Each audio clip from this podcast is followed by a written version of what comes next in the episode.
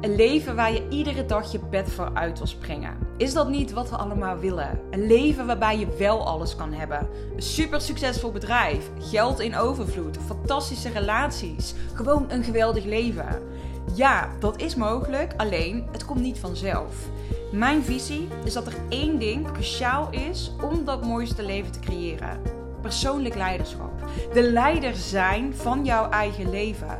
100% verantwoordelijkheid nemen voor alles in je leven.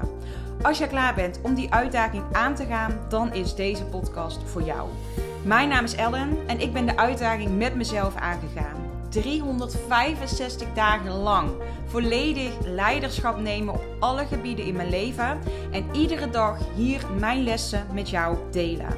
Om jou te helpen en inspireren om ook een leven te creëren waarbij je alles mag hebben wat jij wil waarin jij niet hoeft te kiezen. Een leven waar jij iedere ochtend je bed voor uit wil springen. Vandaag een uh, strategische aflevering. Ik uh, vind marketing fascinerend en heb het afgelopen jaar heel veel ondernemers hier ook mee mogen helpen. En ik heb het afgelopen jaar meerdere keren een, ja, zoals ze dat dan noemen, een 10k plus lancering gehad. Dus een lancering waarbij ik meer dan 10.000 euro in één keer heb binnengehaald, om het zo maar te zeggen. Dat was in de meeste gevallen voor mijn groepsprogramma. En ik wil in deze aflevering heel graag met je delen wat nu, naar mijn mening, of als ik het even dan analyseer, de, de, lanceringen die ik heb gedaan die zo succesvol waren, wat daar dan de oorzaak van geweest is. En ik ga dan even puur op het strategische stukje inzoomen. Um, en ik laat even een aantal dingen achterwege waarvan ik weet dat ze ook echt heel erg bepalend zijn voor je succes. En dan heb ik het over dingen als met wat voor energie zit jij erin. Dus echt dat stuk mindset vanuit jou. Want als jij erin zit vanuit een energie van oh, ik moet zoveel mogelijk en het gaat heel erg met duwen en trekken. Um, dan gaat dit niet lukken. Want ook dat soort lancering heb ik gehad. Ik bedoel, laten we even heel eerlijk zijn. Um, ik, ik ga nu niet hier lopen doen alsof iedere lancering die ik heb gedaan het afgelopen jaar helemaal fantastisch was. Want dat was niet zo. Maar er zaten er een aantal bij die super succesvol waren. En die wil ik even met je analyseren. En dus echt kijken, wat zijn nu de factoren geweest die ik in al deze lanceringen heb doorgevoerd, waardoor ze zo succesvol waren. En dan vooral succesvol ook in cijfers. Uh, nu moet ik zeggen dat dit ook echt wel fijne lanceringen waren, allemaal. Dus ook echt wel waar ik met een lekkere energie in zat. Dus dat is sowieso een vereiste geweest. maar die heb ik hier niet in meegenomen. Oké, ehm, wat, ik, uh, wat ik wil doen, ik wil gewoon eigenlijk met je delen. Um, in dit geval wie, of wat het aanbod was wat ik gedaan heb. Um, wie de doelgroep was en hoe ik deze lanceringen heb aangepakt.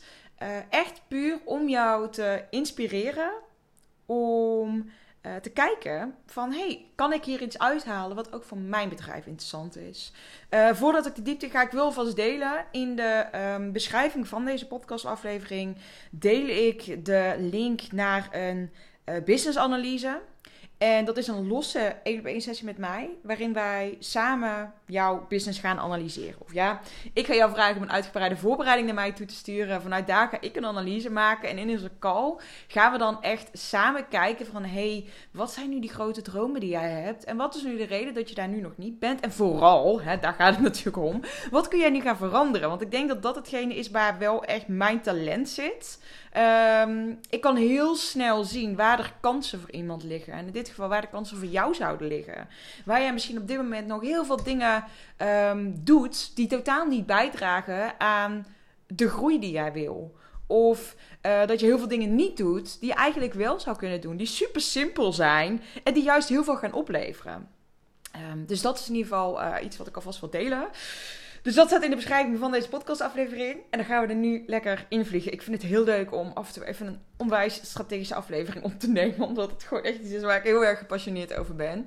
Uh, waar ik uh, heel veel in. Ja, het is zo grappig. Ik heb ook eigenlijk een marketingachtergrond. Ik heb uh, een HBO marketingstudie gedaan. Jaren geleden.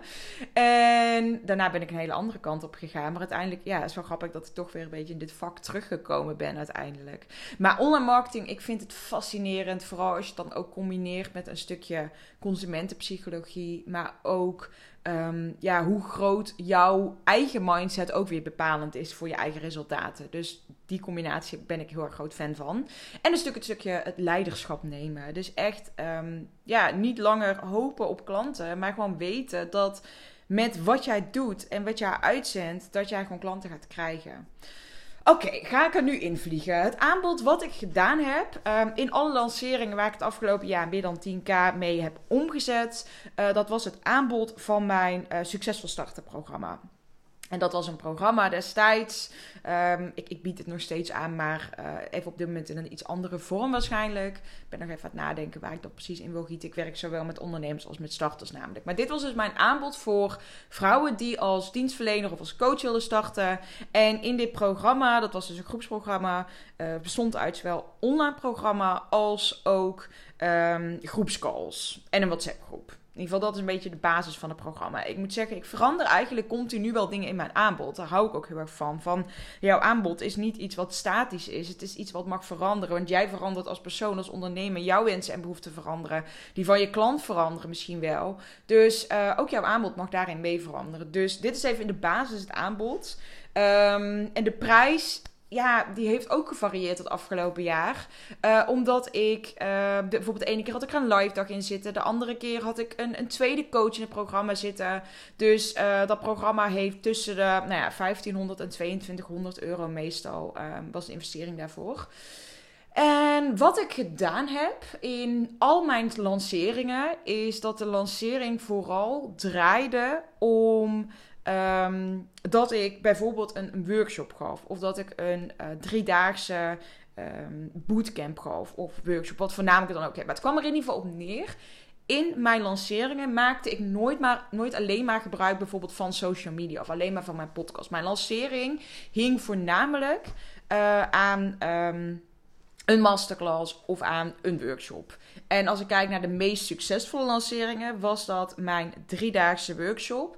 En dat is ook meteen de, de eerste um, ja, succesfactor van mijn lanceringen. Wat ik altijd doe, is focussen op heel veel waarde geven.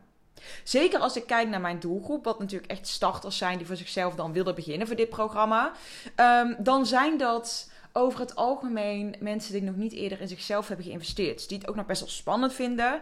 Dus die hebben ook misschien wat, ja, nou dat kan ik eigenlijk wel zeggen, die hebben vaak al wel iets meer nodig voordat zij dat vertrouwen voelen. Um, en die hebben zelf vaak ook nog wat mindset shifts te maken. Dus wat ik echt deed was. Um, meestal had ik een driedaagse, dat was dan een driedaagse online workshop, waarin ik echt drie dagen uh, een live workshop ging geven. Dat was dan in de avonduren, omdat de grootste gedeelte van mijn doelgroep dan nog in, uh, in Lonies werkte, dus overdag niet kon.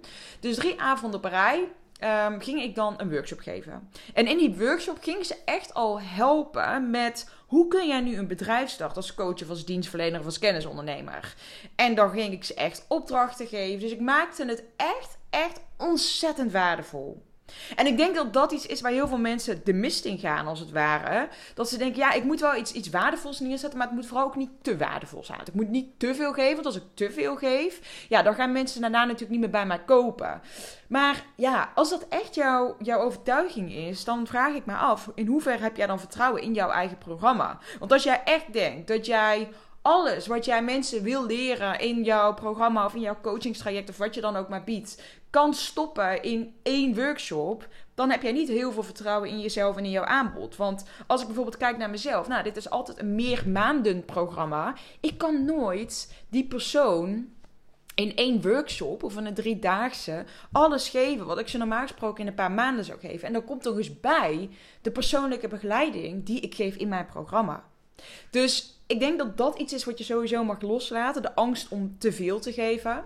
Um, wat ik wel gemerkt heb, dat was in mijn laatste lancering. Volgens mij was dat 12.000 euro die ik daarmee heb omgezet uit mijn hoofd.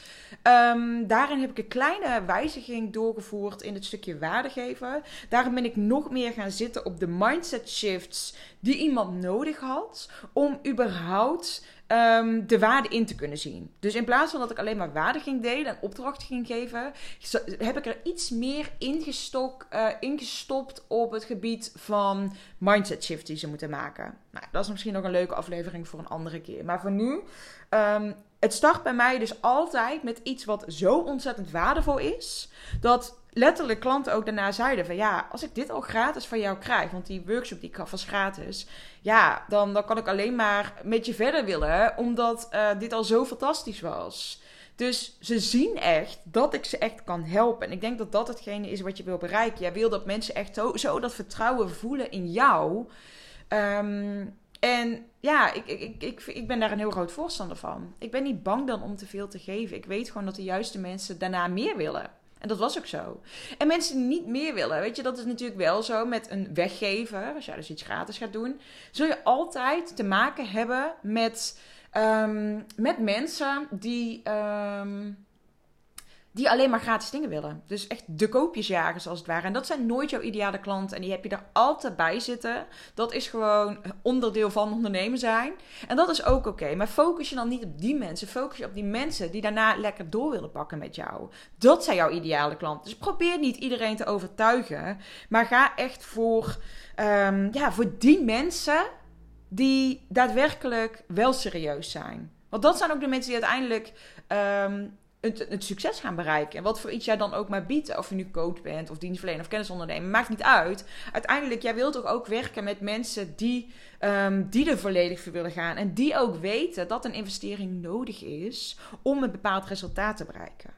Oké, dus dat is de eerste factor bij mij. Heel veel waarde geven. En in mijn geval dus altijd in uh, workshop of in masterclass of in, um, nou eigenlijk zo'n soort vorm. Dus wel altijd met een live aspect. Daar geloof ik wel heel erg in dat dat ook uh, echt wel zorgt dat mensen uh, meer die connectie met jou kunnen voelen. En dat brengt ons ook meteen bij de tweede factor. In mijn geval voor um, ja, wat, wat ik geloof dat deze lancering zo succesvol heeft gemaakt. En dat is de connectie. En die ga ik ook aan je toelichten. Ik ga met je, mee, met je doornemen wat ik dan concreet gedaan heb. Want in de meeste gevallen heb ik geen salesgesprekken gevoerd. Uh, de laatste lancering was de investering van het programma wat hoger. Dat was toen even goed zeggen, volgens mij 2100 ex-BTW voor het groepsprogramma. En daarom heb ik toen um, bij een paar dames nog wel een kort gesprek gehad. Dus volgens mij met twee of drie heb ik nog uh, even een gesprek gehad. Gewoon even gebeld. En de rest niet. En in de andere gevallen, dus die andere lanceringen, heb ik geen salesgesprekken gevoerd. Maar dat betekent niet dat ik geen connectie heb um, eh, ben aangegaan. Want voor mij is de reden dat ik geen salesgesprek voer, is omdat ik er zelf gewoon niet zoveel aan vind. Ik vind het gewoon niet leuk om te doen. Ik vind het gewoon heel fijn om mijn agenda vrij leeg te houden. Um, omdat ik, ja, dat, dat geeft mij gewoon echt een gevoel van vrijheid. Dus uh, ja, ik, ik wil niet mijn hele agenda vol plannen met salesgesprekken. Daarnaast geloof ik ook dat op het moment dat jij zoveel waarde geeft, bijvoorbeeld in een workshop of in een masterclass, dat het niet eens meer nodig is om een salesgesprek te voeren. Dus dat is de reden dat ik dat vaak niet doe. Um, maar wat ik wel doe, is altijd de mogelijkheid geven om wel even nog met mij te sparren. En dat is dan niet telefonisch, maar dat is dan in mijn geval vaak via WhatsApp. Dus wat ik dan deed aan het einde van bijvoorbeeld mijn workshop, was dat ik zei: Oké, um, nou, dit is dus het aanbod. Dus ik deed dan echt daadwerkelijk het aanbod live tijdens zo'n workshop op de laatste dag. En dan. Um, uh, zei ik ook van hey, als je nu nog even wil sparren met mij, als je iets hebt van oh, ik weet het niet, of ik heb nog een vraag, ik heb nog een twijfel, klik dan hier op deze knop om mij een berichtje te sturen. En dan kijk ik gewoon even met je mee. Um, en wat een hele belangrijk is, wat ik vooral in mijn laatste lancering echt gedaan heb, is gewoon super eerlijk zijn. Echt gewoon heel eerlijk en oprecht zijn. Waar ik bijvoorbeeld, zeker in het begin van mijn ondernemerschap, echt nog wel eens zoiets had van ja, maar ik kan niet Um, of ik, ik zei tegen iedereen ja, die met mij zou willen werken. Uh, en ik zou mensen het liefst gewoon over de streep trekken. Dat had dan ook echt te maken met ik dacht, ja, dat is meer omzet voor mij. En nu merk ik gewoon echt, nee, ik wil alleen maar met mensen werken waarvan ik ook echt voel, jij bent mijn ideale klant en ik wil met jou werken. Dus het gaat helemaal niet meer om zoveel mogelijk klanten moeten hebben, maar de juiste klanten willen hebben. Dus ik heb afgelopen lancering tegen drie, vier mensen gezegd, ik denk niet dat dit programma en dit moment het juiste is voor jou. Uh, als ik heel eerlijk ben. En dat werd heel erg gewaardeerd. En dat zorgt er ook voor dat, dat echt heel eerlijk zijn tegen mensen.